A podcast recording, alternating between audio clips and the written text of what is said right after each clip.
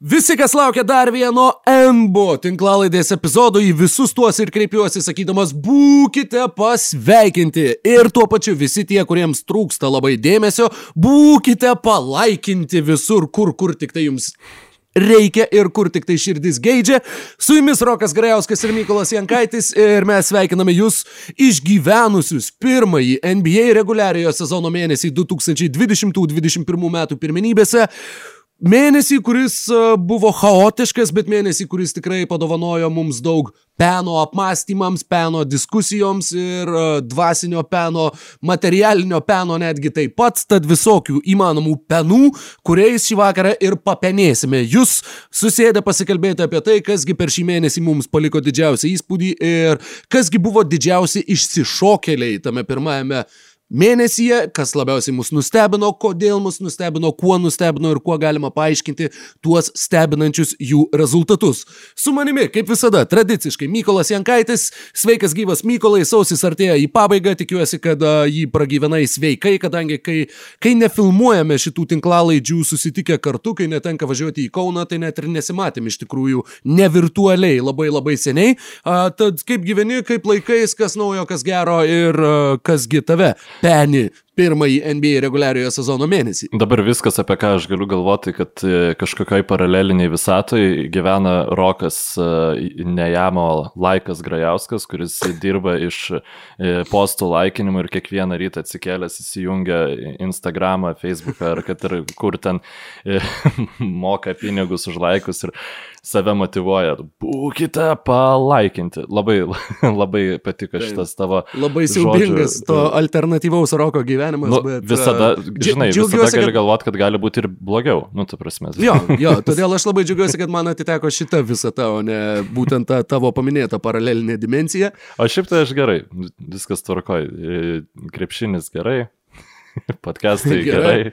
gerai. Pinigai gerai, pažymiai gerai. ja. Marškinėliai prie akių spalvos dera, viskas puikiai. Blemba, Rokai, man atrodo, jeigu yra žmonių, kurie neseka tavęs Facebook'e, nu tu turi papasakoti apie, apie marškinėlius kuriuos. Aš, aš jų ne, neapsivilkau šiai, šiai progai, nu, tai manau, kad dar pataupysiu nu, tai... tą istoriją, nu, tačiau gerai.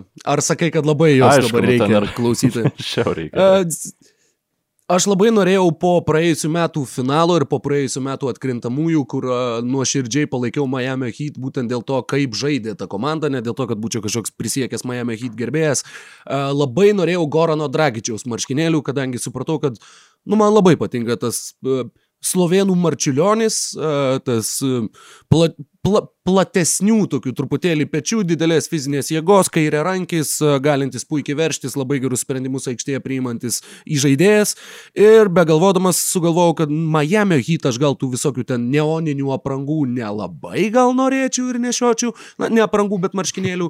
Uh, tad susiradau Slovenijos rinktinės, tiksliau man vienas bičiulis Slovenas, su kuriuo susipažinom čia per 2011 metų Europos čempionatą, kuris vyko Lietuvoje, uh, man surado per eBay Slovenijos Slovenijos rinktinės Gorano Dragičiaus gražius mėlynus marškinėlius ir uh, man juos užsakė kitas pažįstamas, galiausiai nusprendęs, kad tai bus dovana kalėdų proga. Ir aš labai laukiau tų marškinėlių ir galiausiai juos gavau, nuėjau, pasėmiau už pašto, parsinešiau namo, išsipagavau visas džiugus ir pamačiau, kad jie visų pirma yra tokios šleikščiai žydros spalvos, kas buvo jau toks smūgis, bet nu dar, dar gyvent galima, bet tada apsukau jų nugarinę pusę ir perskaičiau priešai save. Numeris 7 Dračič. Ir e, Dračič dabar yra, dabar yra garbingai padėti garbingiausioje namų vietoje, tiksliai dar nežinau, ką su tais marškinėliais veiksiu, bet turiu tokio Dončičiaus ir Dragičiaus hybrido, uh, pasirodo, taip pat kažkurioje paralelinėje visatoje. Neveiksmo. hybridą. E, taip, ne, ne, ne, ne, čia niekas, niekas su, tuo, su tuo nesusiję. Dar, žinai, jeigu kirčiuotum kitaip, tai būtų dračič, tai būtų dar linksmėsnis variantas, bet, e, žodžiu, turiu Gorano dračičiaus marškinėlius, ačiū eBay, labai gera investicija. Labai smagu, ir, kad tu neoninį neturėjai ir tau ryšką spalvą. Mm, Šleikščiai žydrius, žydrius, žydrius marškinėlius. Gureno dragičių su, su, su, su. Kalbant apie šleikščiai žydrą spalvą, New Yorko wow, Knicks. Man labai patinka šitą įžangą. E, nėra, kom... nėra komanda, apie kurią dabar tarėmės pradžiai kalbėti, bet galim. E, ar norėtum vis tik pradėti nuo Bruklino Nets? Žinok, aš norėčiau. Tiesą pasakius, manau, norėčiau, kad kadangi ta reikia. komanda yra vis tiek, manau, tai apie ką ir mūdu abu ir dauguma NBA ir galių visame pasaulyje ir galvoja, ir kalba pastarosiomis dienomis, ir galų gale ir pamatė pastarąją naktį. Uh, sužaidė jie kiek jau trejas rungtynės su Jamesu Hardenu ir vienas rungtynės su uh, Visais visa. trim? Taip, vis, visų didžiojų trejetų su Kairi Irvingu, Jamesu Hardenu ir Kevinu Durantu. Uh, tų rungtynių vykusių šią naktį, pastarąją naktį, tuo metu, kai mes įrašinėjom šią tinklalaidą, jums turbūt jau už vakar. Uh, Tų rungtynių pradžioje Bruklino Nets pataikė pirmus 10 iš 10 metimų iš žaidimo. Ir tai atrodė kaip wow, kad jie užsikūrė, yra, na, neįtikėtinai, visi žaidžia su energija, visi žaidžia su užsivedimu.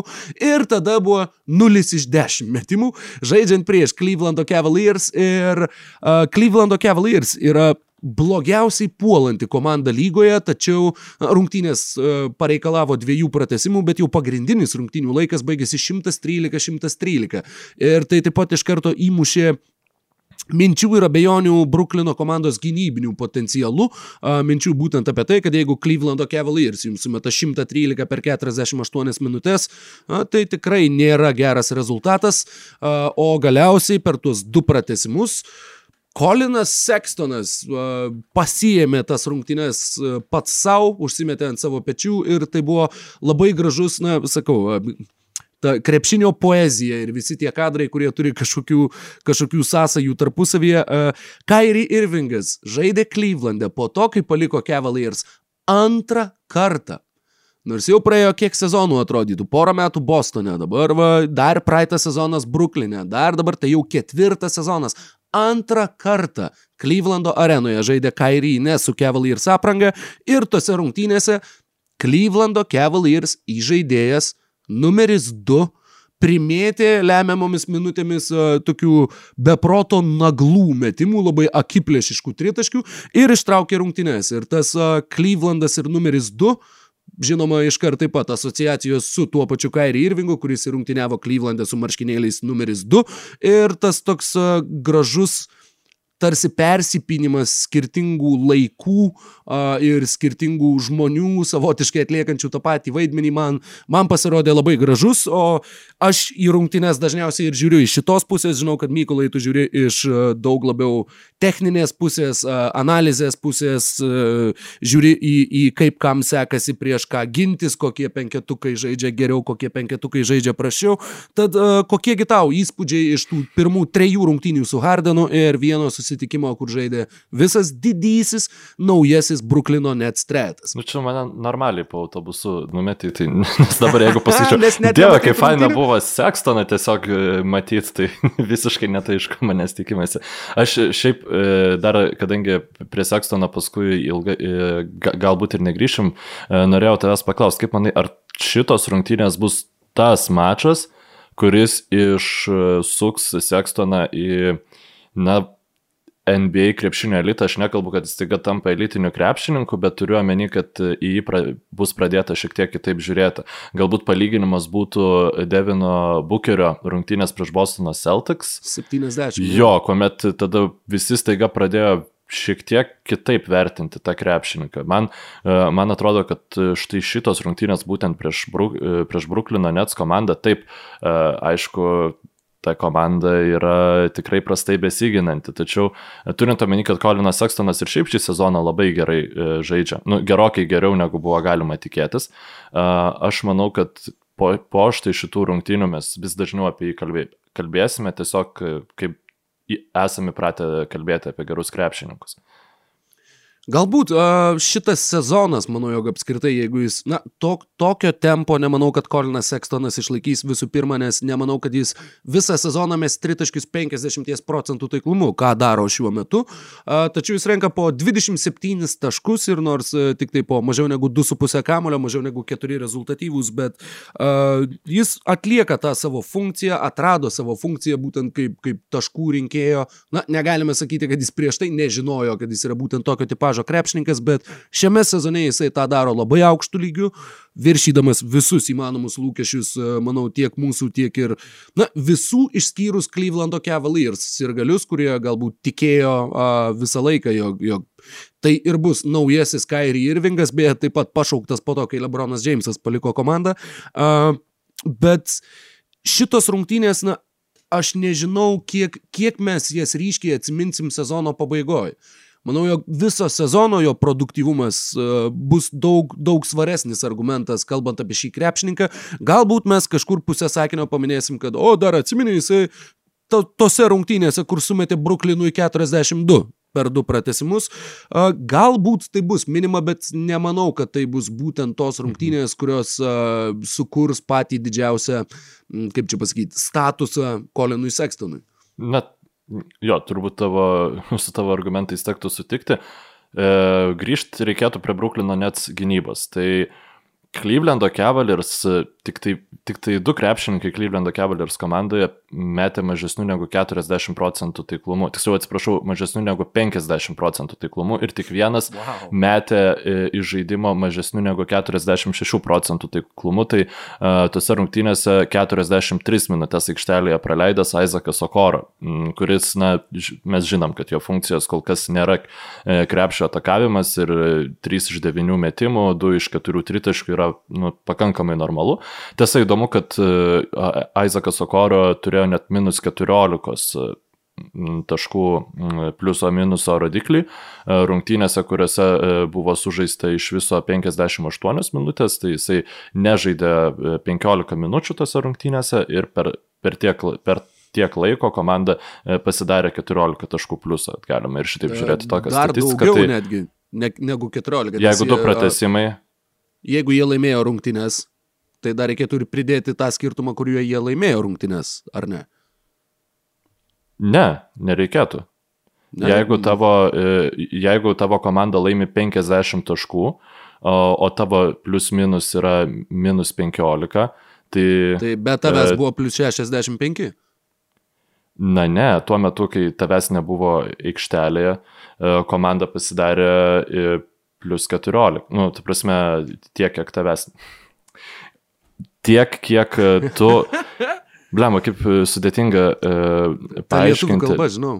nu jo, lietuvių kalba ypač man tikrai daug sunkumų kelia. Ne, tiek, jeigu tavo reitingas yra minus 15 taškų, tai per minutės, kurias tu nežaidėjai, kom, e, komanda Taip, Rokai, tu esi teisus, viskas Taip, galit mane taip, aš- mėtyti akmenimis, Ačiū. tiesiog bandžiau reversinti pliusinę šito, e, e, pliusinę šito teiginio logiką ir, na, susivėliau. E, Taip, tai šitose rungtynėse, na, galima sakyti, kad Clevelando Cavaliers visa komanda buvo karšta, Brooklyno Nets neturėjo niekaip kaip sustabdyti e, Clevelando polimo, Colinas Sextoną lemiamomis minutėmis, lemia- lemiamą metimą gynė Kairi Irvingas. Tai parodo, kai šiaip tai yra krepšininkas, kuris įprastai gina praščiausius komandos krepšininkus. Tai, tačiau Not anymore.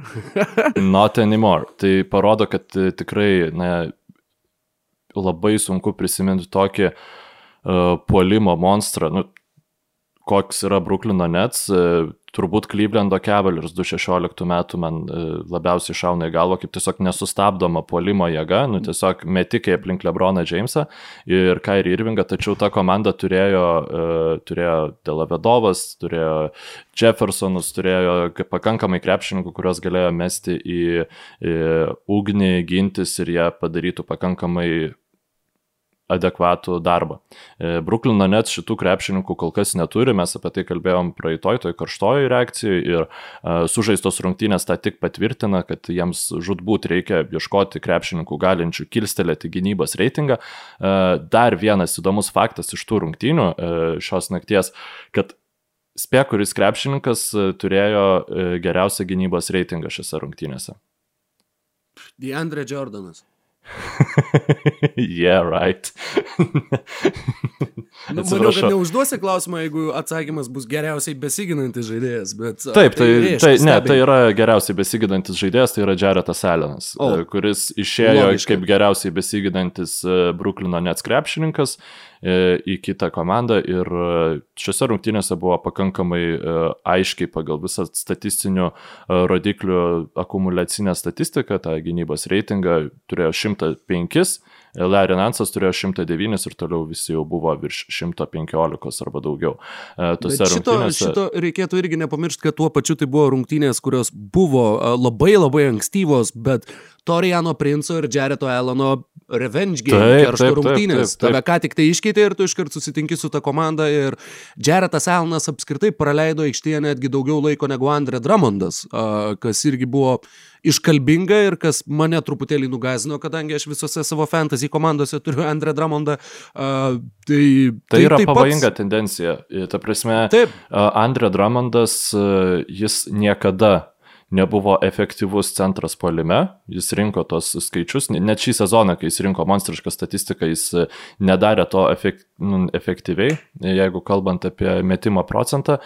Ir e, turint Jaretą Alleną, krepšininką, kuris yra pigesnis, jaunesnis ir komandos kontroliai, klausimas, į ką į savo resursus su minučių resursus e, sufokusuos Cleveland Cavaliers komanda. Tai labai įdomu Kaip? yra. Kaip man patinka, kad nesvarbu, kada mes bešnekėtumėm apie Bruklino net, ar apie, turbūt jeigu šnekėtumėm apie Lakers, turbūt jeigu šnekėtumėm apie bet ką, vis viena, kaip visi keliai veda į Romą, taip visi NBO pokalbiai priveda prie Clevelando. Uh, Grįžtant prie dėl Bruklino ko aš Nets, apie, uh, jo, dėl ko aš norėjau kalbėti apie, uh, pradėjau kalbėti apie Jaretą Alleną, vienas krepšininkas, kuris šiuose rungtynėse nežaidė ne vienos minutės, tai yra Džavelas Magi, jo. Ir Kaip po mūsų podcastų e, praėjusiu vienas komentatorius e, klausytojas pasakė, kad e, Džavalas Magi būtų puikus papildymas Bruklino Nets komandai. Ir aš manau, o, tai. kad geresnio, tai prasme, centro aš nemanau, kad Bruklinui įmanoma gauti šį sezoną, nebent bus išpirktas kažkoks krepšininkas, kurio mes nu, neprognozuojame. Ne Tiesiog manau, kad Džavelas Magi jokiai kitai komandai neduotų tiek daug, kiek jis galėtų duoti Bruklino net, ką tu manai jo. apie tai. Visiškai sutinku, kadangi jiems labai reikia būtent tokio vidurio polėjo. Uh, Deandre Jordanas kartu su Jeffu Greenu pradėjo rungtynės šalia trigalvius Libino, uh, Kairį, KD ir Hardeno. Uh, vėliau Joe Harrisas žaidė daug daugiau minučių negu Deandre Jordanas, tai taip pat yra, manau, um, tendencija, kurią matysim šiame sezone, tol kol Bruklinas neras to e, atsarginio per brūkšnelį pagrindinio vidurio polėjo. Ir e, bus įdomu tikrai matyti, kaip, kaip jie spręs tą problemą, kadangi problema yra akivaizdi netgi iš tai, sužaidus kiek trejata rungtynių ir tik tai vienas rungtynės sužaidus visiems trim uh, super žvaigždinam kartu. Tad Klausimas tikrai didelis, bet e, tuo pačiu man atrodo, kad Bruklino Nets e, trys turbūt dalykai, kuriuos dar norisi pridėti e, apie juos prieš perinant prie kitų komandų. Ir aišku, porą iš karto pamiršau. Na, vienas dalykas, kaip lengvai mane, pažiūrėjau, nustebino, kaip lengvai mano uh, smegenys persijungė ir iš karto priėmė kaip natūralų vaizdą Jamesą Hardiną su Bruklino apranga. Uh, kur, pažiūrėjau, nežinau, koks nors Viktoras Oladipo su Rockets apranga man daug labiau tiesiog nu, stringa ir trumpina, atrodo, kad nu, jis ne čia turi būti, tu netaip įpratęs, jis nu, netinka kažkas. O čia kažkodėl, aš nežinau, kodėl iš karto vos pamačiau, man iš karto, kur, o, taip. taip. Gal dėl to, atmetus, kad... Gal dėl to, galbūt tas... Sorry, atsiprašau. Ja, tas žydras aprangas Bruklino, su kuriomis žaidė pirmas rungtynės, kadangi jos apskritai atrodo labai neįprastai. Ir jos atrodo taip pat, kaip atrodė Rocketsų žydras aprangos, dėl su kuriuom dėl velnis žino, ko pradėjo žaisti šį sezoną. Iš vis marškinėliai šį sezoną yra absoliučiai crazy ir visiškai negerąją prasme. E, tie Miami hit e, tokių nu, Miamis visada tokius psichodelinius mėgsta marškinėlius, tačiau dabar iš viso kaip išsiliejęs guašas yra tas vienas maikės, dvi spalvos tiesiog susiliejusios, tada Rockets, Bruklino Nets, maikės, nu, žodžiu, fanų nėra. Pačios, tai... pačios pačios blogiausios va šituo vat atžvilgiu yra, kur komanda, mm, klubas pasirenka spalvą, nu, kuri tau visiškai nekelia jokių asociacijų su tuo klubu. Tai man yra Milvokio Bucks mėlynai žydros aprangos. Nu, kur, nu, nu, ne. Tu žiūri ir tau atrodo, kad tu žiūri Dallaso Mavericks ar kažkuria, kažkuria tai kita komanda, bet tikrai ne Milvokį. Specialiai ieškojau, kodėl jie tą padarė, tai tam buvo, kad uh, Trys skirtingi mėlynos spalvos atspalviai simbolizuoja tris upes tekančias per Milvokį arba Viskonsino ežero uh, gylį. Tad, žodžiu, kur, what, kodėl? Na, nu, ja, žinai, tu tokių prasmų visada gali rasti, bet e, man kažkaip tokiam neįprastam sezone galbūt norėtųsi tų įprastų aprangų daugiau, kad tu žinai, e, pamatai komandas tiesiog žaidžiančias, nu gerai, fanų nėra, bet bent jau tas aprangos, žinai, Bostonas žaidžia žaliai, ten Lakersai geltonai taip. ir e, jokių išsidirbinėjimų, tai gal ramybės daugiau tokios būtų. Apie Brukliną. Vienas, e, vienas dar baigiant apie aprangas, kadangi taip, jau pradėjom, taip, taip. tikrai prie jų nebegrįšim, yra vienos, kurios yra su neįprasta spalva, bet kurios man labai labai patinka, yra tos tamsiai raudonos Denverio Nuggets aprangos. Jos yra tikrai labai gražios. Ir e, tuo pačiu man kažkodėl nesipjauna su ta organizacija, nors jinai niekada nežaidė raudonom aprangom, bet kažkodėl man visai tinka. E, apie Bruklino Nets e, norėjau dar pasakyti porą niuansų. Tai Džavelas Magi arba bet kuris kompetitingas centras tikrai būtų pagrindinis tos komandos vidurio polėjas, nes rungtynėse, pavyzdžiui, prieš Clevelando Cavaliers, tai Dandre Jordanas žaidė 24 minutės komandoje, kuri neturi jokio atsarginio centro, o pa pagrindinis penketas, nu taip, e, pagrindinis penketas buvo e, Joe Harrisas, Jeffas, Jeffas Greenas, Kairi Irvingas, Kevinas Durantas ir Jamesas Hardinas. Vienas niuansas. Tai šitas penketas yra, ar yra e, geresnis pajėgesnis polimo penketas negu štai šitas kada nors žaidęs aikštėje vienu metu. Jo, Warriors su Kevinu Durantu. Dar tu minėjai, kad vienintelė komanda, kurią įsivaizduoja, yra 16 Cavaliers, kuri aš, panašiai e, būdavo Warriors su KD. Ne, yra, aš yra... E, tiesiog turėjau omenyje polimo gynybos. Atžvilgiu. Taip, taip, mhm, taip. -hmm. nes, jo, tuo atveju tikrai taip. Nes Warriors, jie turėjo tiek gynybinio talento, ta prasme, ne mažiau negu polimo turbūt, net galima būtų sakyti. Ne, mažiau, nes kai tu turi Karį ir Durantą ir Klejų Thompsoną. Tai, uh, tai va, Ir tada rungtynėse prieš Orlando Magic, apie kurias mes visiškai nekalbėjome, Nikola Vučevičius be Fulco, be kitų, be Furnyje ir su m, gerai žaidusiu Terensu Rosu, tačiau prastai žaidusiu Aaronu Gordonu darė, ką norėjo prieš Bruklino Nets gynybą. Ta prasme, 22 metimai, 14 taiklių ir taip ir nerado sprendimų prieš Nikolą Vučevičių Bruklino Nets komandą. Nenoriu aš čia skambinti varpais, tačiau man visiems sunku įsivaizduoti, kaip šitą komandą, pavyzdžiui, žaistų prieš Philadelphia 76ers. Tiksliau, dėl to, kad kaip sunku yra įsivaizduoti, aš žiauriai norėčiau jų serijos, kartoju ir kartosiu, kad tai, tai būtų ir naratyvo klausimais, ir a, a, gynybinių sprendimų klausimais turbūt daugiausiai a, e, iš trenerių pareikalaujanti serija žodžiu, kokia galėtų būti rytų konferencijų ir aš labai labai to laukiu. Uh, Jamesas Hardenas rungtynėse prieš Clevelando Cavaliers savo tą naudojimo procentą, apie kurį mes kalbėjom praeitą tinklalaidą, jo naudojimo procentas buvo 18. 18. Tai yra, na, tikrai, tikrai e, visiškai nehardiniški skaičiai. Kiek, kiek jų įprastai, kokie 30? 30 32. 32 mhm. praėjusią sezoną jo buvo. Jo, tiesiog, kad, kad suprastumėm visi, taip, apie ką, apie ką taip, kalba eina. Taip, taip. Tai, e, Kairi ir Kevinas e, turėjo beveik 30, Kairi 30,8, Durantas 29. Na, manau, kad vienas kitos rungtynės nėra didelė problema, tačiau jeigu tai būtų tendencija, įdomu, kaip e, Hardinas e, pradėtų jaustis toj komandai, kurią pats išstumė e, savo. Yeah. Bet, žinok, man asmeniškai žiūrint, man va ta, kad, e, sakykime, kaip populiariai yra sakoma, kad problema, kad yra aikštėje tik tai vienas kamolys, mhm. man netrodo tokia didelė problema. Aš kažkaip tikiu, kad šitoj savo karjerų stadijoje jie visi trys yra pasiruošę neskaičiuoti tų visų procentų ir ne, ne kaip čia pasakyti, patraukti savo ego į antrą planą, siekti titulo. Jie žino, kad siekis yra čempionų titulas. Uh, ir sakau, būtent gynyba, man atrodo, daug, daug opesnis klausimas šiai dienai Bruklino Nets ir jiem reikia išsispręsti būtent tai ir tada jau bus galima pereiti prie, um, prie kitų dalykų. Jo, bet žinai, jeigu tu pralaimi Clevelando Cavaliers vieną kartą, tai nieko baisaus.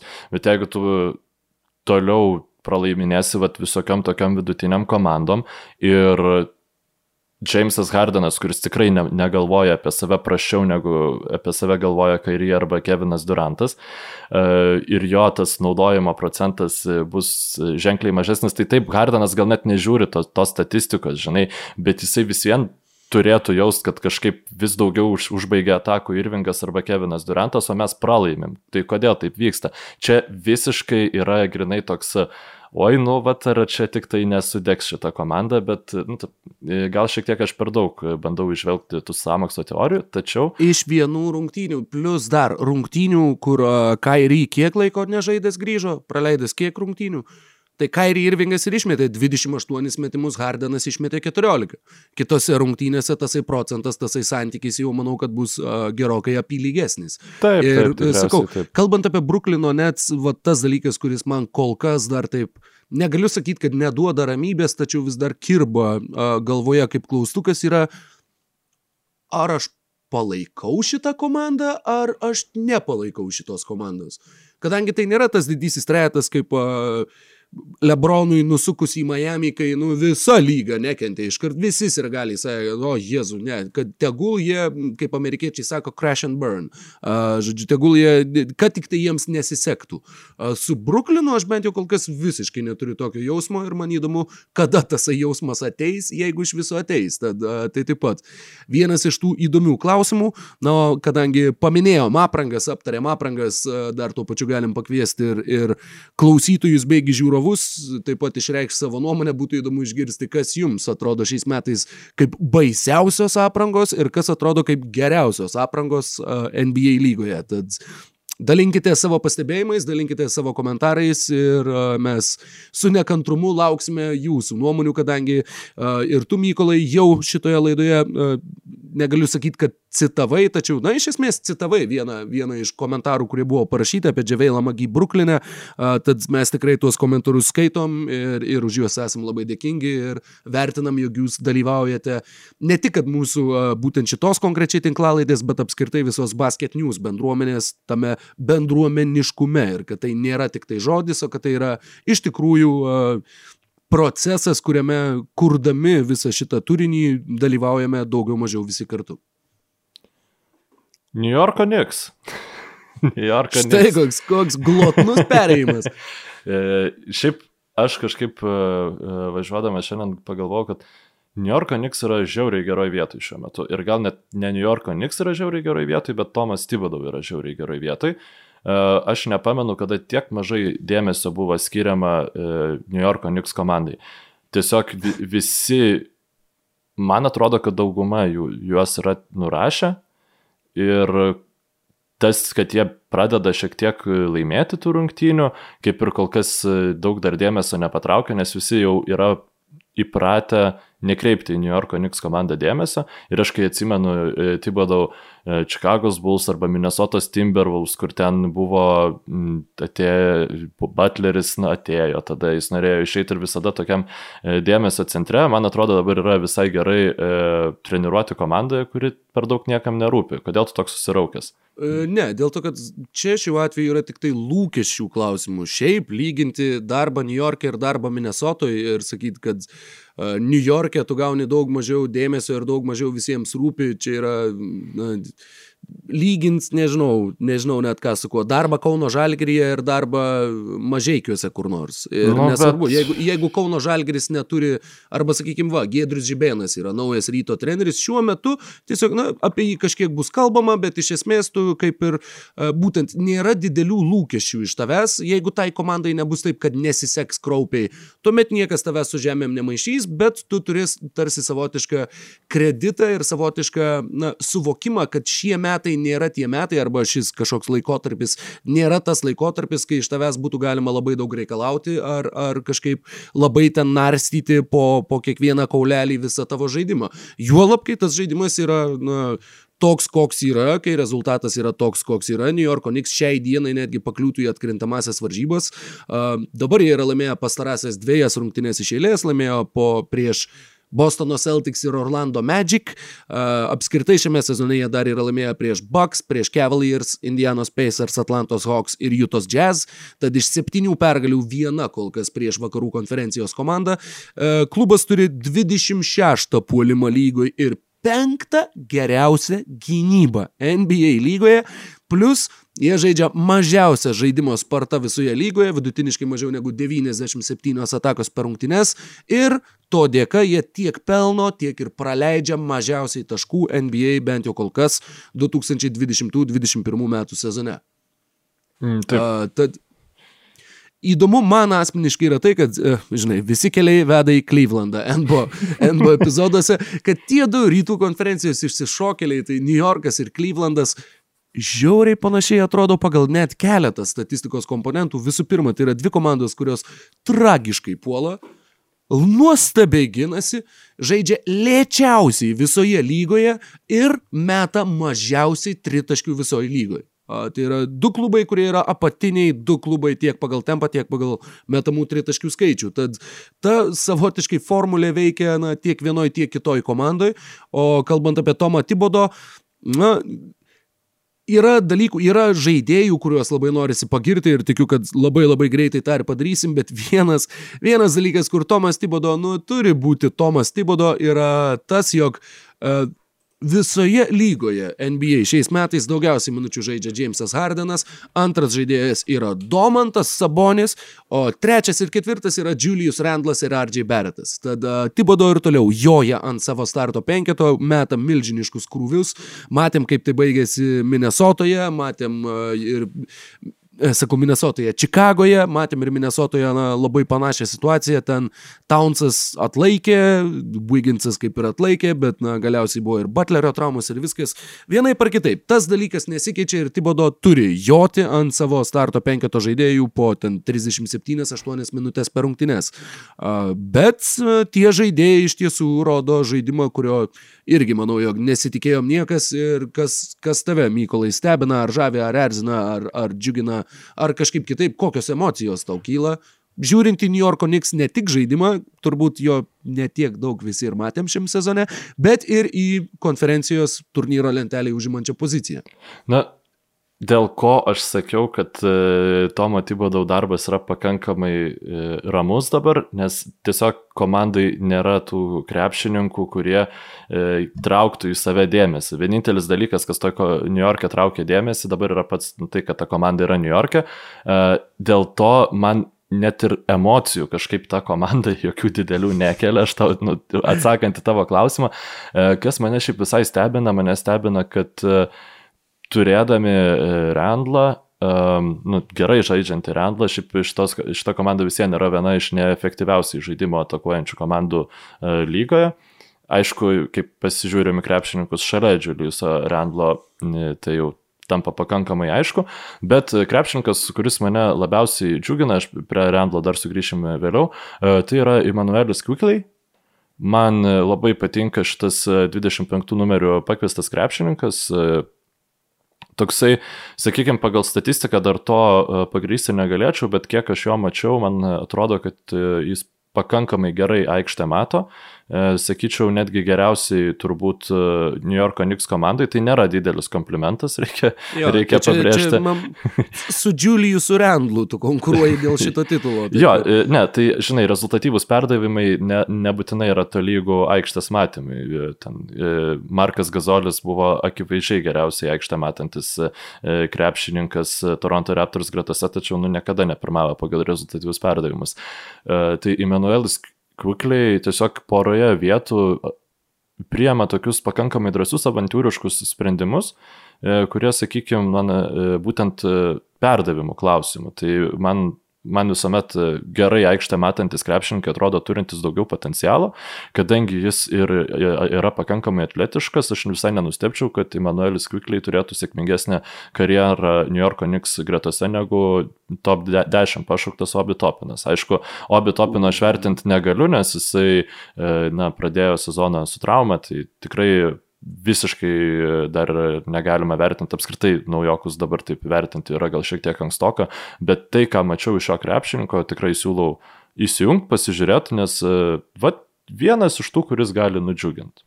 Žodžiu. Pastarosiose ketveriose rungtynėse Quickly renka po 17,5 taško, 45 procentai tritaškių, daugiau negu 4 rezultatyvūs per rungtynės. 21 metų žaidėjas iš Kentucky universiteto pirminiai vertinimai tokie ir buvo, Niksam jį pasišaukus, jog, aha, dar vienas Kentakio žaidėjas, kadangi jų klubo valdyboje yra labai daug sąlyčių su Kentakio universitetu uh -huh. ir mhm. visas būrys buvusių Kentakio krepšininkų žaidžia šiuo metu New York'e, tačiau jis tikrai viršyje lūkesčius apskritai netgi, kai jisai buvo pasirinktas, Niks netgi sulaukė kažkiek kritikos, kadangi jis buvo prognozuojamas antrame rate, na, jo šaukimas buvo prognozuojamas, kai kas jį buvo įrašę 50 pozicijoje ir taip toliau, tad 25 numeriu atrodytų mm, nesvietiškai per aukštai pasirinktas žaidėjas, bet visa ta kritika tikrai turi pritilti dabar, kadangi tikrai tai yra na, tikrai didžiausias netikėtumas Niks klube, kalbant apie tai, jog žaidėjas taip išlystų toks, iš kurio nieko nesitikėjom.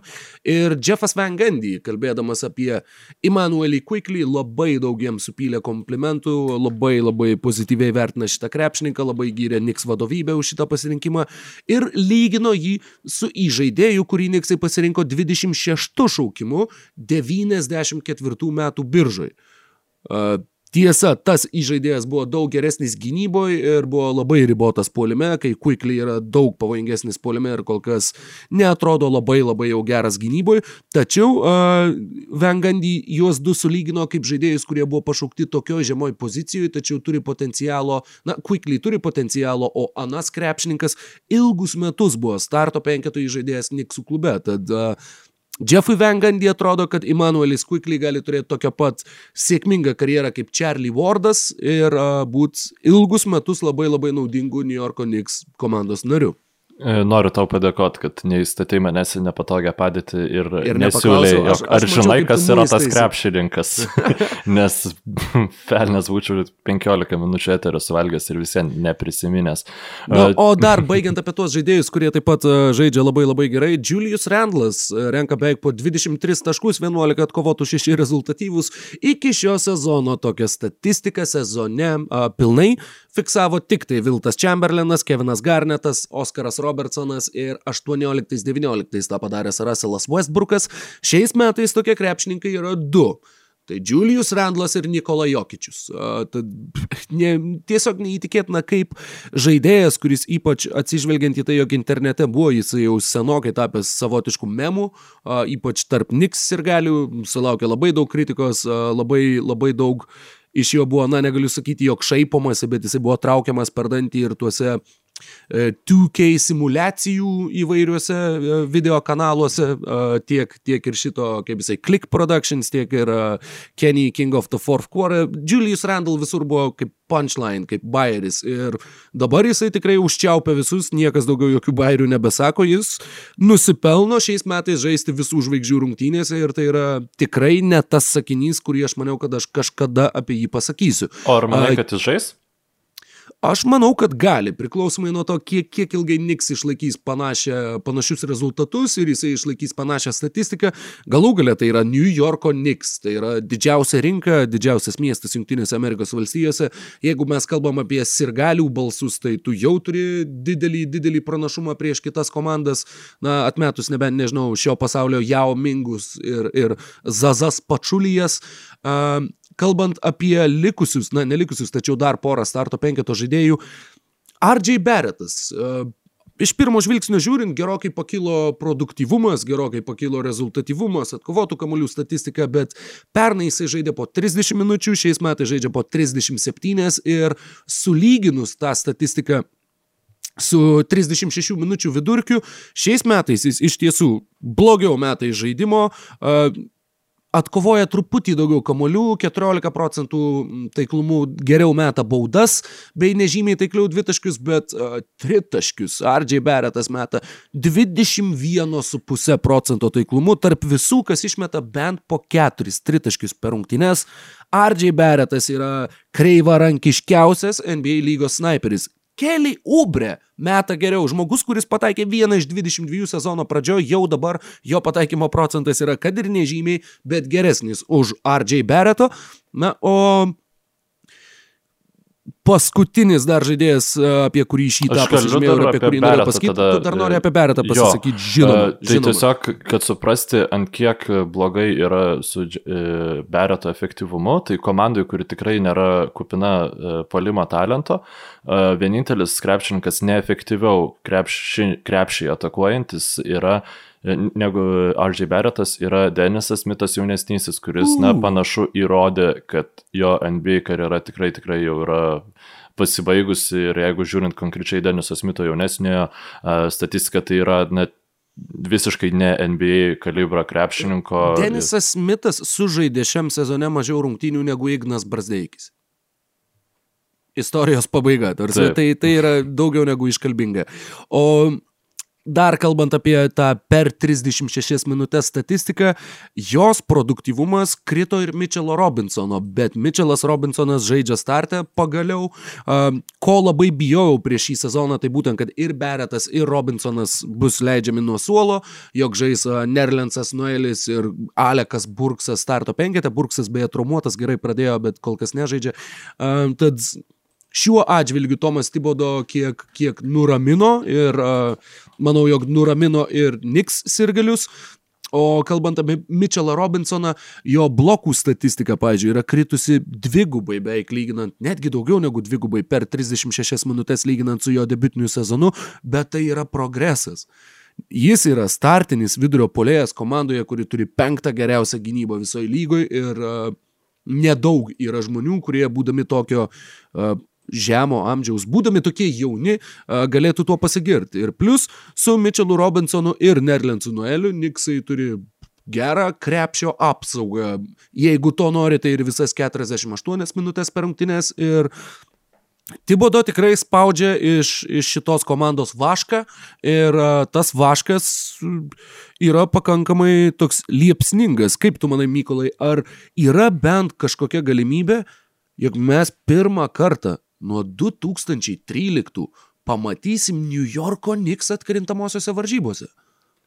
Atkrintamosiose, ne įkrintamosiose, ne? Na taip, taip, sakykim taip. Hmm. Nusakyčiau, kad ne, nes jeigu pasižiūrėsim, kas su kuo dabar konkuruoja New Yorko Knicks, tai yra Clevelando Cavaliers, Atlantos Hawks, Orlando Magic, Tai sakykime, galbūt medžikus jie turi šansų aplenkti, nes tiesiog e, labai traumų kamuojama komanda ir kažkaip tokią nuojautą turiu, kad, na, grįžus vienam kris kitas. Tai, tai tiesiog kažkaip tokios tendencijos. Miami Heat e, ir Toronto Raptors yra šiuo metu žemiau negu New Yorko Knicks. Aš kažkaip visien manau, kad šitos komandos turi uh, kur kas geresnius šansus užbaigti sezoną aukščiau New Yorko komandos. Uh, Ir tada yra Chicago's Bulls, Washingtono Wizards ir Charlotte's Hornets. Vėlgi, e, štai jau šios komandos, sakykime, tikrai nėra geresnės negu New Yorko Knicks, e, tačiau e, vėl nėra jau taip užtikrintai, kad Niksai, negalima užtikrintai teikti, kad New Yorko Knicks yra geresnė komanda irgi už šitas. Vienintelė komanda, už kurią yra geresni de Detroito Pistons. Jo, ir aš manau, kad atkrint, įkrintamųjų serijoje prieš Niksus laimėti turėtų būti ganėtinai nesunku, nes jų puolima tiesiog, puolimas yra e, labiausiai ribotas, sakyčiau, lygai.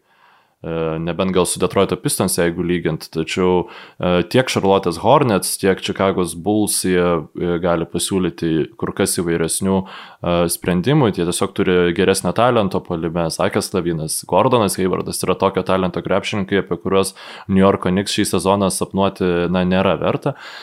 Aš norėjau uždarant New Yorko Knicks komandos klausimą pakalbėti su tavim, sugrįžti prie ties Julius Orendlu. Kaip manai, kokia ideali rolė yra šitam krepšininkui e, NBA lygoje? Sakykime, kaip jisai galėtų įsiprasminti save kaip geras krepšininkas?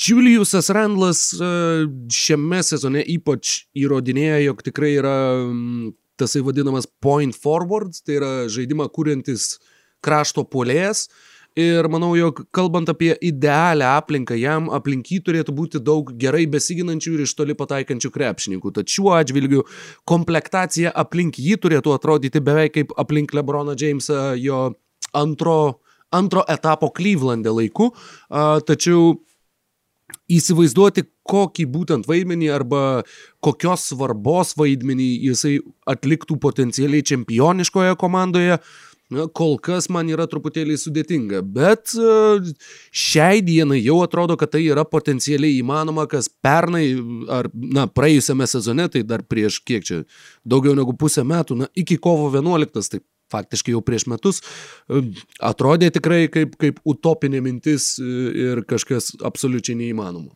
Aš pasirašiau štai tokį sakinį - bulius nuo suolo. Džiulius Randalas ir taip aš manau, kad komanda, kurio jam būtų absoliučiai geriausia, tai būtų mm, Dallas Mavericks, nors e, galbūt ne, nes e, nebėra jau taip gerai iš toli metanti komanda, bet e, būtent būtų tuo katalizatorium komandose, kurios, kuriuom trūksta jėgos nuo atsarginių salelių. Toronto Raptors, Dallas Mavericks, nežinau, gal uh, dar galima būtų porą kokių įtraukti. Sakyčiau, Golden State Warriors, bet uh, Erikas Paskalis iš tikrųjų labai panašią rolę būtent ir pildo, tik tai galbūt šiek tiek uh, mažesniais skaičiais. Bet žinoma, Randlas dabar turi labai didelį kontraktą, nebėra jau tiek daug to mirusio salary ir šiaip tai nėra krepšininkas, už kurį vertėtų atiduoti, žinai, pirmą raundo šaukimą, nes... Ir tai nėra nu, kur... krepšininkas, kurį Niks norėtų atiduoti. Jo, būtent New Yorko, New Yorko Niks nėra tokia komanda, kuri rinktų šaukimus tam, kad e, ten būtų kažkas geriau jam ateityje. Ne, nu, potencialiai taip, nu, tačiau jie, jie tikrai aktyviai nebandys jo iškeisti jo, ir tu jo. turėtum ir, pateikti labai gerą pasiūlymą, kad Niksai ir niekas, niekas, jo ne, niekas jo nepateiks. Bet kitais metais jis gar, garantuoti šio 19 milijonų yra tik tai 4. Aš manau, kad e, mes galėsim kitais metais pamatyti Juliusą Randlą visam gražume kylant kur nors nuo suolo. Labai tikiuosi, kad e, tiesiog aš, man labai šitas krepšininkas imponuoja ir aš noriu jį matyti žaidžiant kokybišką krepšinį kokybiškoje komandoje. Tad tragiškai puolančios ir labai gerai besiginančios komandos - Clevelando Cavaliers ir New Yorko Knicks. Rytų konferencijoje mes turime ir vakaruose atitikmenį šitos formulės, tai yra 25 geriausias puolimas ir trečia geriausia gynyba ir dar viena stebinanti komanda. Penkios pergalės iš eilės Memphis Grizzly yra pirmame aštuntuke šiuo metu, mums kalbant apie, apie NBA aktualijas man labai įdomu yra tai, jog šešios blogiausiai puolančios šiame sezone lygos komandos yra Memphis Grizzly 7 pergalės 6 pralaimėjimai, New York Knicks 7-8, vieną prašokam, Orlando Magic 7-8, Oklahoma Thunder 6-7, Clevelando Cavaliers 7-7 ir tik tai Minnesota Timberwolves su ketvirta, ketvirtų blogiausių puolimu turi 3 pergalės ir 10 pralaimėjimų, tačiau ten blogai, anaip tol ne tik tai puolimas. Uh, labai įdomu kadangi aš neatsimenu tokios e, kaip čia pasakyti, statistinės anomalijos, jog tiek daug būtų komandų, kurios labai blogai pultų, bet labai gerai gintųsi ir todėl demonstruotų labai gerus rezultatus. Uh, tad Memphis šitas, šitas, uh, šita serija, tos penkios, penkerios pailiui laimėtos rungtynės yra tokio pat ilgio serija kaip Los Angeles Clippers ir uh, tik tai viena pergalė mažiau negu Jutos Jazz, uh, tai yra viena iš trijų ilgiausių pergalių serijų NBA lygoje, nepaisant to, kad Džemorantas dar tik tai šveičiasi rūdis po traumos, o jų Būtent. daugiausiai metimų per rungtynes išmetantis krepšininkas Dylanas Bruksas beveik 16 metimų, tarp visų išmetančių bent 15 yra pats netaikliausias lygoj. 37 procentai iš žaidimo Russellas Westbrookas netgi meta taikliau. Nu, nežymiai, bet nu vis tiek net Westbrookas meta taikliau. Ir su štai tokiu puolimo lyderiu ir štai tokiais skaičiais ir su visa eilė traumų, apie kurias esam kalbėję ne kartą ir ne du, Memphis Grizzly - septynios pergalės, šeši pralaimėjimai ir labai labai įdomus žaidimas Pala, Mykolai, kiek pamenu, man, man čia plačiau pašnekėti apie Memphį, ar ne? Jo, jo, jo. Na, Nu, ta aš prasme, daug- aš turiu vieną papildomą, tik tai paskui ten. Gerai, pabaigoj. aš turiu daug e, minčių, kadangi mačiau daug rungtynių, kaip ir Memphio, kaip ir Indianos, metai iš metų e, lietuvių krepšininkai ir dėl profesinių reikmių užima didžiausią mano, mano dėmesio spektro dalį. E, Memphija, kas labai labai, na, sakykime, yra viena, viena iš tų priežasčių, kodėl komanda demonstruoja tokius rezultatus, yra nu, jų nuostabus darbas naujokų biržose. Jeigu Džemorantą pasirinkti pernai antrų šaukimų na, nebuvo labai jau didelis mokslas, tai 21 šaukimu nuskint Brandoną Clarką, o šiais metais 30 šaukimų pasimti Desmondą Beiną ir 35 pasimti Xavierą Tilmaną yra labai labai labai uh, aukštos vertės žingsniai, na nežinau, didelės pagarbos verti žingsniai ir tie krepšininkai jau dabar žaidžia ir atlieka labai svarbų vaidmenį Memphije būtent šitos serijos metu. A, Kas juos visus jungia, tai yra labai aukšto krepšinio intelekto žaidėjai. Ir tuo pačiu viena iš to priežasčių yra tai, jog Brandonas Clarkas praleido ketverius metus universitete, teoriškai tris, kadangi vieną iš tų praleido raudon marškiniuotas ir negalėdamas žaisti vieną iš tų sezonų, tačiau vis viena keturių metų trukmė. Desmondas Beinas ketveri metai universitete, Xavieras Tilmanas treji metai Michigan State universitete ir beje pats kilęs iš Michigano, tai kaip ir Dreymondas Greenas. Tiek iš tos valstijos, tiek iš to universiteto, tiek panašaus sudėjimo, tiek net ir panašios funkcijos. Šiaip gal galėtum papasakot plačiau apie Xavierą Tilmaną, nes... Severas tarkim, Tilmanas yra neaukšto, kaip čia pasakyti, žemesnio ūgio vidurio polėjas, pagal tai, ką, ką jisai veikia aikštėje, tai sakau, galima įsivaizduoti maždaug uh, Grantą Williamsą iš Bostono arba Dreymondą Greeną, uh, vad būtent to tipažo toks truputį platesnių pečių, labai gerai judantis kojomis, labai gerai skaitantis žaidimą, labai labai uh, brandaus uh, krepšinio žaidėjas ir e, netgi jo Wikipedijos straipsnėje gali net e, ir dabar, ar tu Mykolai, ar gali net ir tu dabar klausydamas, kad ir kuo tu vardu, susirasti Xaviero Tilmano Wikipedijos straipsnį, jis toj nuotraukai jis atrodo kaip 35. Uh, toks patyręs veteranas krepšininkas su universiteto komandos apranga. Ir Desmondas, e, sakau Desmondas, Xavieras Tilmanas bus panašu, kad tikrai svarbus Memphio krepšininkas jau šitam sezone ir tuo pačiu ir komandos ateityje. Desmondas Beinas šiais metais meta 49 procentų taiklumu metimus iš toli ir tuo pačiu taip pat uh, priima labai teisingus sprendimus, gerai juda gynyboje ir visa komanda pasižymi tuo labai aukštu krepšinio intelektu ir turėti tokią jauną ir tokią protingą komandą ir uh, surinkti žaidėjus, kurie taip tiktų sistemai ir taip gerai papildytų vienas kitą yra na, fantastiškas uh, tiek, tiek Zeko Klaimano, Memphio klubo vadovo, tiek ir uh, Tayloro Jenkinso vyriausiojo trenerio nuopelnas ir Memphis tikrai labai labai stebina šiais metais. Kaip minėjau, 25 polimas ar ne ir trečia geriausia gynyba, taip. Uh, nors keičiasi žaidėjai, nors keičiasi treneriai, nors keičiasi klubo vadovai, bet anais laikais kalbėjo apie tai labai daug, pavyzdžiui, Zekas Randolfas, jog mes tiesiog kaip komanda mes, mes įkūnijam šitą miestą. Ta visa grit and grind filosofija yra tai, ką amerikiečiai vadina blue collar arba mėlynos apykaklės, na, yra baltų apykaklių miestai, kur visi dirba ofisuose ir, nežinau, valdžios organuose įvairiuose, arba yra mėlynų apykaklių miestai, kur dirba angliakasiai ir panašiai, ir toks daug labiau darbo klasės miestai. Tai Memphis yra vienas iš, iš vadovėlinių štai tų antrosios kategorijos miestų pavyzdžių ir ta komanda, kaip matom, sakau, viskas keičiasi, viskas absoliučiai, neliko atrodytų nieko, bet grit and grind dvasia vis dar yra gyva Memphije ir išgyvena dabar jau net ne antrą jaunystę, tačiau renesansą ir sugrįžimą prie to paties. Uh, du statistiniai faktai, kurie man labai labai patiko kalbant apie Memphį. Kol kas jie perima po 10 ir 40 kamulio per rungtynes, tai yra aukščiausias skaičius NBA lygoje per pastaruosius 20 metų ir uh, jų gynyba, kaip minėjau, yra trečia lygoje.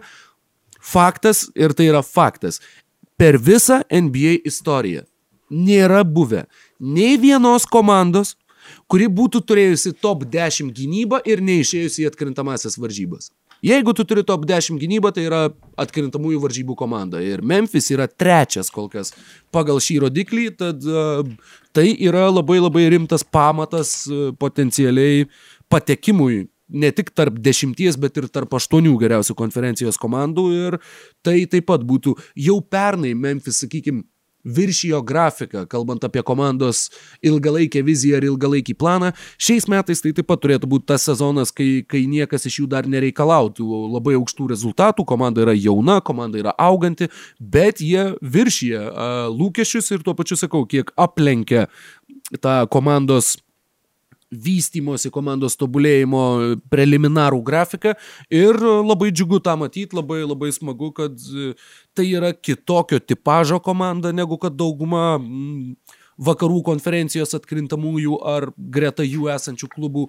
Ir tas jaunas, e, jaunas komandos branduolys, jaunas motoras ir gynyba paremtas žaidimas, bei tuo pačiu Džemoranto atletiškumas ir fantastiški aikštėje demonstruojantys dalykai yra yra labai labai mane asmeniškai džiuginantys, kadangi man reikia žiūrėti daug Memphis rungtynių, tai aš labai džiaugiuosi, kad jie yra gera komanda.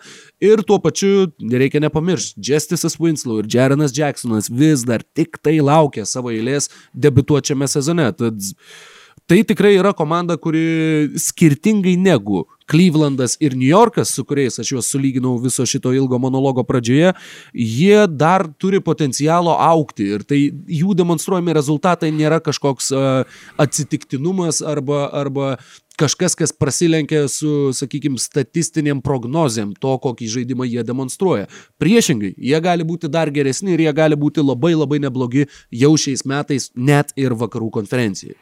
Šiaip ta pati jų logika, kad imti šiek tiek e, jau subrendusius krepšininkus, kuriuos tu žinai, kaip jie atrodys.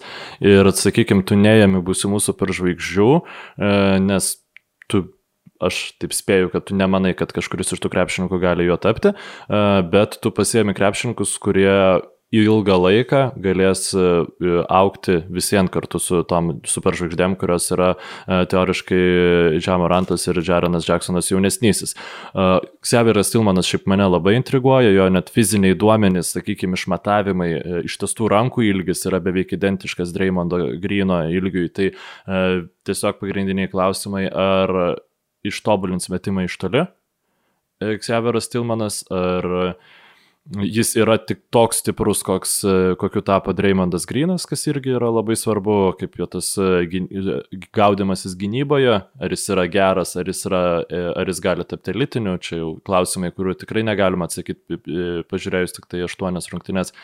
Ir visos tendencijos eina į tai, kad Jonui Valančiūnui, na, vietos šitoje komandoje gali nebūti ilgainiui. Tiesiog ne dėl to, kad jis yra prastas krepšininkas, bet tiesiog, na, turbūt nelogiška būtų Memphis Grizzly duoti dar vieną kažkokį panašų kontraktą Jonui Valančiūnui, kai dabartinis pasibaigs.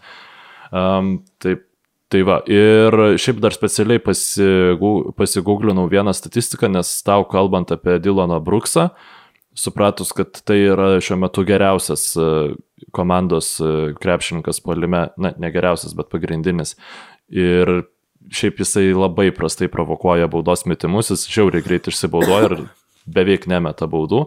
Čia yra Dilano Brukso ta vizitinė kortelė, tokia jis meta tik po du e, baudų metimus per rungtynes, turint omeny, wow. kad tai yra pagrindinis komandos wow. polimo krepšininkas. 16 metimų iš žaidimo ir 2 baudos metimai. Jo, nu, ir čia, čia visa komanda per rungtynes meta vidutiniškai 17 baudos metimų. Tai yra Uh, tiesiog labai aišku, dėl ko tas polimas yra toksai klampus ir rezultatai nėra labai geri polime, nes na, baudų metimais tu lengviausiai gali taškus pelnyti, čia yra pakankamai, pakankamai logiška.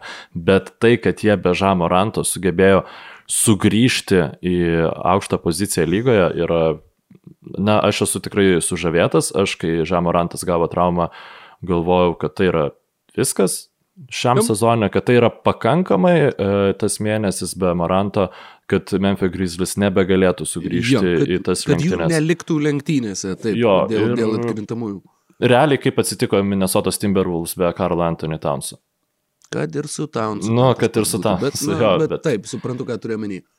Tai, tai tikrai labai prisidedu prie tavo ovacijų šitai Memphis Grizzlies e, visai organizacijai. Na, e, apie Clevelando Cavaliers ir Memphis Grizzlies tikrai kalbam daug, bent apie vieną iš šitų komandų verta kalbėti daug tikrai. Tikrai taip. Labai greitai dar norėčiau apžvelgti komandą, kuri turi ilgiausią pergalių seriją šiuo metu. Šešias pergalės Jutos Jazz žengia trečiojo vietoje vakarų konferencijoje. Tos pergalių serijos metu Donovanas Mitčelas meta po 27 taškus, 4 atkovoti 5 rezultatyvus, 50 iš žaidimo, 48 iš tritaškio, 89 procentai baudų.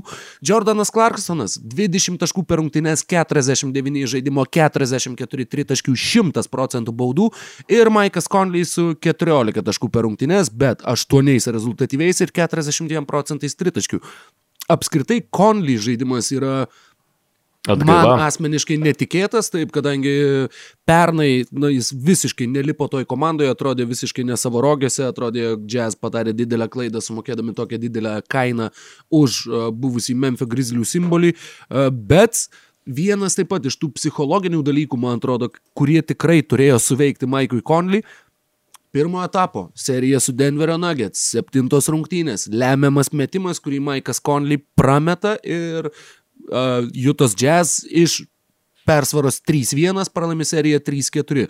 Manau, kad toks metimas turėtų Na, aš, aš niekada gyvenime nežinosiu tiksliai, ką reiškia nepataikyti tokio metimo, bet aš manau, kad jau kitą rytą, galimai, nežinau, galimai net ir nemiegojęs, Konly jau turėjo mėtyti ir jau uh, drošti ir jau dirbti ir jau, na, turėt tūkstanteriopą motivaciją grįžti į aikštę geriausiu, kokiu jisai tik tai be gali būti. Ir uh, tą jo versiją mes bent jau kol kas ir matom Jutos Jazz žaidime šiais metais. Uh, paskutinis, sakykime, sakinys, nu čia galima, galima būtų kalbėti ir daug daugiau, tačiau reikia taupyti laiką. Jutos Jazz šiandien yra, sakykime, čia ir yra jų taškas, kur jie turi kažką laimėti ir apskritai pasiekti, ko daugiausiai jie gali pasiekti, kadangi tarp devynių rezultatyviausių jų krepšininkų, taip, Donovanui Mitchellui yra 24, bet Roisui Onylui ir Žuržu Niangui po 27, Rudy Goberui ir Clarksonui po 28, Derikui Favorsui 29, Bojanui Bogdanovičiui 31, Maikui Conley ir Joe Inglesui po 33. Jeigu ką tik šnekėjom apie Memphį, kurie yra jauna komanda ir kuriem viskas prieš akis, Jutai tai yra jau, na, jeigu dar ne paskutinis langas su šituo brandoliu laimėti kažką tai, tai, tai vienas iš paskutiniųjų. Ir ta jų pergalių serija, šešios pergalės, e, tuo pačiu jie dabar žais penkerias rungtynes dar pailiui namuose, žais dar sėki su Pelicans, žais su Warriors, New York Knicks ir du kart su Dallas Mavericks, jie gali dar labiau pratestą savo seriją ir potencialiai jie gali bent trumpam pakilti ir į pirmą vakarų konferencijos vietą, kas būtų uh, didelis džiaugsmas Jutos Jazz ir galiams ir tuo pačiu uh, visai rimta iliustracija to, kad ju, su Juta šiais metais reikia skaitytis ir kad jie, mano manimu, jie bus pirmam ketvirtė uh, viskam pasibaigus pasibaigus vakarų konferencijoje, kalbu apie reguliarų sezoną, turės namų aikštės pranašumą, matysim, kiek jisai reikš ir ar žiūrovai apskritai bus ar nebus, kadangi bent jau kol kas namų aikštė nereiškia visiškai nieko šiame NBA sezone. Išvykos komandos laimi daugiau rungtynių negu namų komandos. Kol kas, ko nežinau ar kada nors yra buvę, tačiau tikrai nebuvo bent per pastaruosius 10, 15, 20 metų.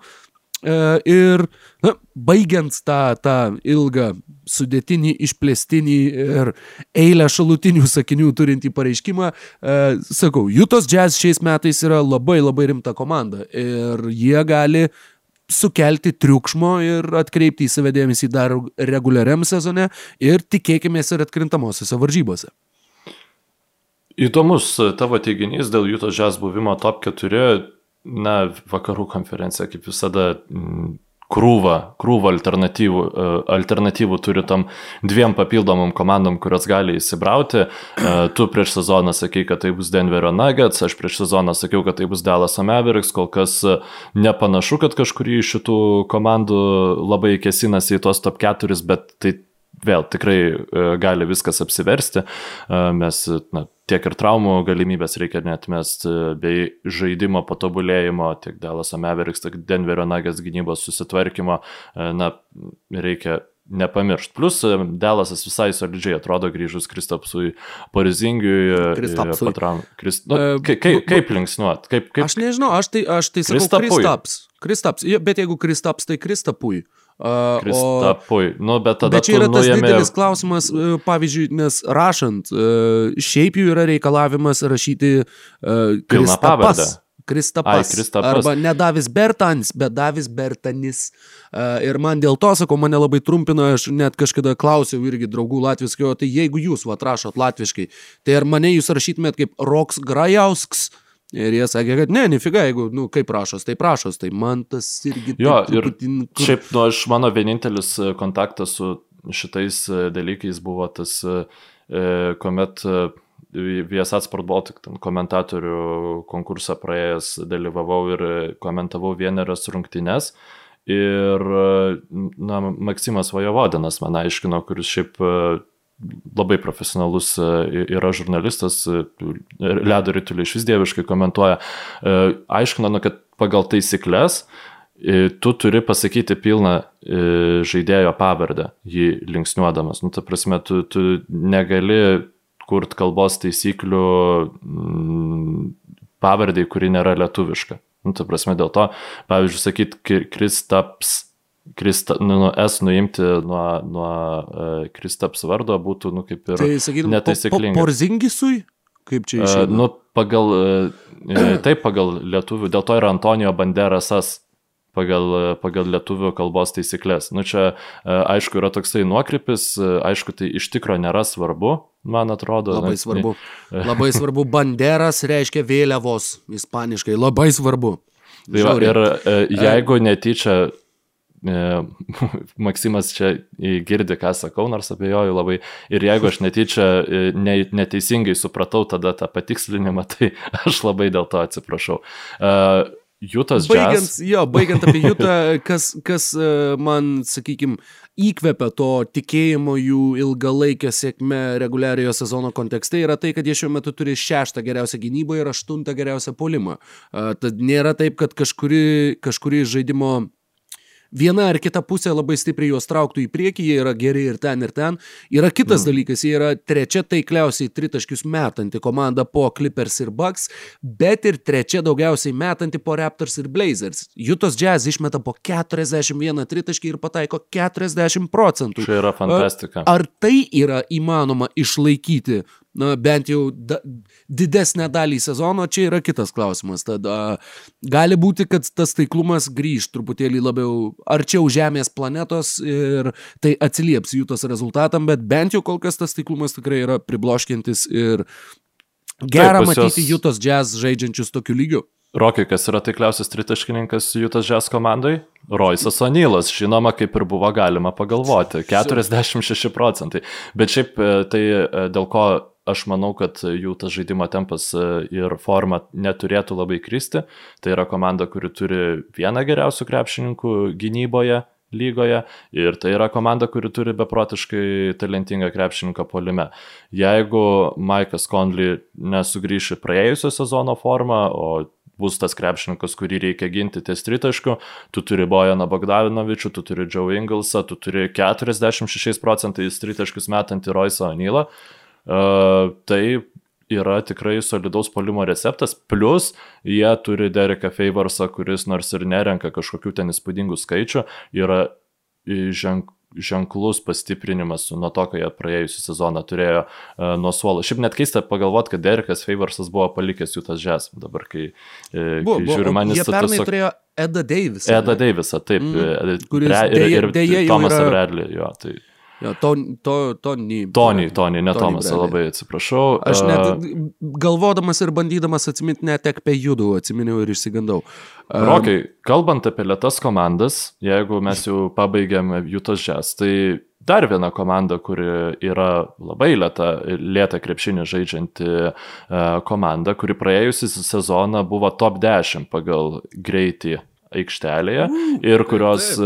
e, žaidimo tempo nuk- lėtėjimą tikrai buvo galima tikėtis, nes e, tą atvyko papildė 35 krepšininkas kuris niekada nebuvo itin, net ir Los Angeles Clippers nebuvo labai greitai žaidžianti komanda. Tai yra be abejonės Phoenix'o Suns, kuris su Krisu Polu dabar e, kesinasi į tą ketvirtą, trečią vietą rytų konferencijoje. Vakarų, e, taip, vakarų konferencijoje žaidžia labai solidų krepšinę e, ir komandos treneris jokių problemų ne, nerado atrasdamas veikiančią rotaciją. Tas mane labai nustebino. Kaip pradėjo su tais aštuoniais pagrindiniais rotacijos krepšininkais, plus ten keliais papildymais, taip ten niekas ir nesikeitė. Toksai... Vienas buvo, dabar va visai neseniai įvyko pokytis, krepšininkai nepasikeitė, bet pastarasis dviejas rungtynės Jay Crowderis jau žaidė nuo atsarginių suolo, Cameronas Johnsonas jau žaidžia startę. Taip, bet na, minučių toks... proporcija pati tai taip. iš esmės net E, jo, ta, ta pati išlieka. Ir negalėčiau ne, įvardinti e, ne vieno iš tų pagalbinių krepšininkų, kurie žaidžia prastai, bet jeigu žiūrėt grinai į pačią statistiką, tai Kristas Polas ir Devinas Bucheris, e, na, nežaidžia labai gerų sezonų. De, De, Devinas Bucheris atlieka žymiai mažiau rezultatyvių perdavimų negu praėjusią sezoną. Visiškai normalu, ta prasme, tu komandai turi Krisą Polą. Keista, jeigu daugiau atliktų. Bet kas yra keista, kad klysta daugiau negu pernai Devinas Bukeris. Jisai pernai atliko 3,8 e, klaidas, dabar atlieka 4,1 klaidos. Tai skirtumas yra labai nedidelis, bet turint omeny, kad tavo e, apkrova polime yra mažesnė, kad tu turi komandai Krisapolą ir tu atlieki kur kas mažiau rezultatyvų perdavimų, nes nepamirškim, kad yra tas e, assist to turnover ratio, tas statistinis rodiklis, pagal kurį kas Jonesas, kai Timberwolves žaidė ten e, nerealius skaičius visą laiką rinkdavo. E, bet tai yra visiems pakankamai nebloga efektyvumo indikacija.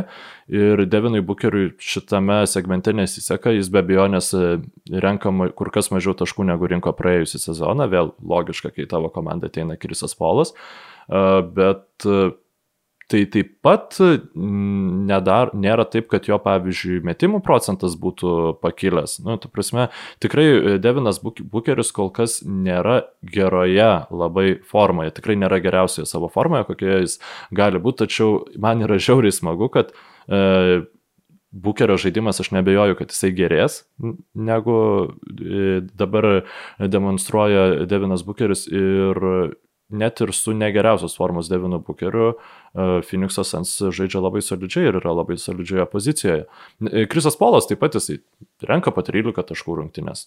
Aišku, visiškai e, Krisas Polas turbūt galėtų po 8 taškus per rungtynės rinkti ir visiems turėti e, vieną didžiausių indėlių į komandos kokybės, kokybinį krepšinį, bet manau, kad ir Krisas Polas atkrintamosiose tai jis tikrai nerinks po 13 taškų. Net manau, kad šansų labai nedaug.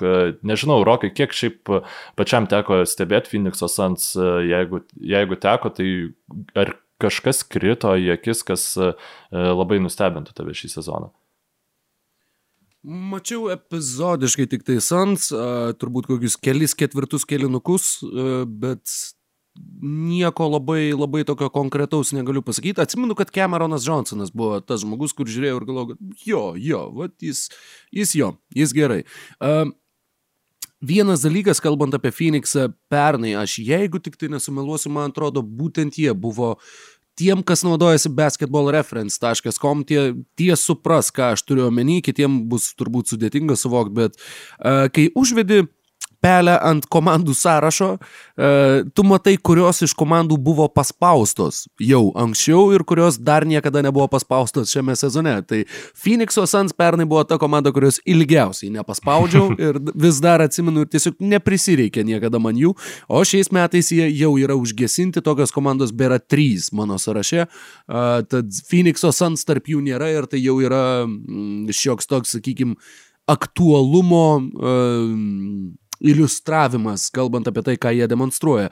Ir, e, žinoma, ketvirta vieta vakarų konferencijoje šiuo metu vieni iš penkių tų išsišokėlių, kuriuos norėjosi aptarti praėjus pirmajam NBA reguliariojo sezono mėnesiui - Utah Phoenixas ir Memphis bei New Yorkas ir Jėzu, mes šnekėjom apie Brukliną. Tad, Nu, na, Bruklinas Klyv- tiesiog iš- Klyvlandas taip pat, kaip ir buvo aptartas, e, taip tarp eilučių ir, ir šitoje tinklalaidėje. E, Tad, kągi, e, žiūrėsim, kaip atrodys kitas sezonas, E, sakau, kitas sezonas, dieve, kitas mėnuo. E, Šį mėnesį jau galėsim aptarinėti ir, ir e, tai, kas mūsų manimų Uh, tiksliau, tuos krepšininkus, kurie mūsų manimų turėtų būti nominuoti į neįvyksiančias visų žvaigždžių rungtynes, kadangi kaip jau šiandien spėjom užsiminti su Juliusu Randlu, ar jisai turėtų žaisti ar neturėtų žaisti, manau, kad tas visas įsigilinimas į bendrą visą ko kontekstą ir žiūrėjimas, kas ką išmestų, ką vietoj ko reikėtų imti, bus taip pat labai įdomi pokalbių tema.